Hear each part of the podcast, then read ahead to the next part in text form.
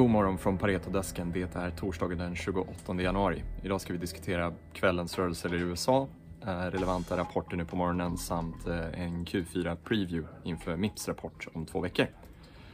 USA-börserna föll, eh, föll under onsdagskvällen efter att Fed lämnat beskedet, räntebeskedet oförändrat och nämnde även att det är lite svaga utsikter framgent.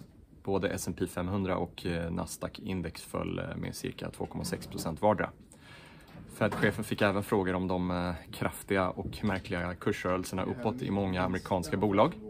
Eh, däribland Nokia som under eh, kvällens handel i USA steg med närmare 40 procent och även Ericsson handlades upp så mycket som 20 procent under börshandeln i USA men stängde sen ungefär upp 8 procent. Um, Tesla och Apple bägge två kom med rapport efter börsens stängning igår i USA. Uh, ehm, Tesla hade en något svagare rapport än väntat, resultat än väntat och Apple kom in med något bättre resultat än väntat men trots det handlades båda aktierna ner under efterhanden i USA. Nu över till eh, Fredrik Moregård som har skrivit en eh, Q4-preview eh, inför Mips kommande rapport. Hej Fredrik! Eh, du har idag kommit med en Q4-preview inför Mips kommande rapport här om två veckor. Eh, man kan ju se att Mips eh, ska växa både genom att omborda nya brands men även bredda produktbasen hos befintliga varumärken som de samarbetar med. Vad har du valt att fokusera inför Q4-rapporten här?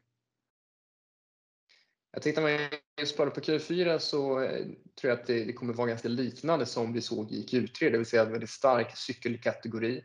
Eh, det har ju varit starkt tryck i cykelmarknaden egentligen sedan, sen i våras eh, och eh, det är väldigt låga lagernivåer på cykelhjälmar runt om i världen. Så det finns mycket man måste producera i kapp och Q4 är liksom ett kvartal där man historiskt sett har väldigt högt tryck i den här marknaden. Så det kommer vara en väldigt viktig del för att driva bra tillväxt här i Q4 framför allt. Tittar vi in i början av nästa år så tror vi att det kommer åtminstone att kräva under första halvåret för att man ska kunna producera i kapp och bygga upp lager på cykelhjälmsmarknaden. Eh, den risken som finns är ju fortsatt framförallt inom snökategorin eh, i och med att det är fortsatt väldigt mycket reserestriktioner och de farhågor som många hade inför eh, den här säsongen, kanske under, under sommaren och förra våren, att det kommer vara färre som, som reser för att åka skidor och därmed färre som, som köper en ny hjälm. Det ser ut att bli så det här året och då är frågan hur det kommer slå på, på produktionen i år eller hur mycket man redan har så att säga, anpassat lagernivåerna i marknaden efter en, lägre efterfrågan. Just det. Och eh, du nämner ju även lite om valutaeffekterna. Hur har du resonerat kring dem här? Precis. Eh, Mips har ju en väldigt stor försäljning i, i dollar. Eh, de har sina liksom fasta administrativa kostnader väldigt mycket här i Sverige, så i, i svenska kronor eh, och sen sin, sin produktionskostnad kan man säga lite, lite blandat dollar och eh, kinesisk valuta. Ehm, och det är helt klart så att, att, en svagare dollar slår ju negativt för dem både på försäljningen och på, på marginalen. Så det är den stora anledningen till att vi har gjort lite negativa revideringar på våra estimat helt enkelt för de kommande åren. Mm. Eh, och så nämnde du en eh, samarbetspartner som, du, som de har, Wavecell, som har tagit in en del kapital. Om jag uppfattar det korrekt. Hur ser prospekten ut? Inte riktigt. Det är, det är egentligen så här, Wavecell är en konkurrent eh, till dem. Det är egentligen okay. två liksom, viktiga operationella nyheter som har kommit ut de senaste två veckorna. Om vi börjar med, med Wavecell, så Wavecell är en, en konkurrerande teknologi till Mips Eh, det var väldigt mycket eh, uppmärksamhet runt det när de lanserade hjälmar med Bontrager för två år sedan. Eh, aktien dök 30 på, på den dagen. Nu har de Just lanserat då en, en, ny hjälm med ett skidvarumärke som heter Einon. Och vi tittar lite grann helt enkelt på så att säga, en, en väldigt enkel jämförelse mellan bolagen och vilken kommersiell framgång man har skapat under de här sista två åren. Vi kan konstatera att medan Wacel har totalt sett fått in två varumärken, Bontrager och Einon, eh, så har Mips under samma period ökat sin kundbas med 30 nya varumärken.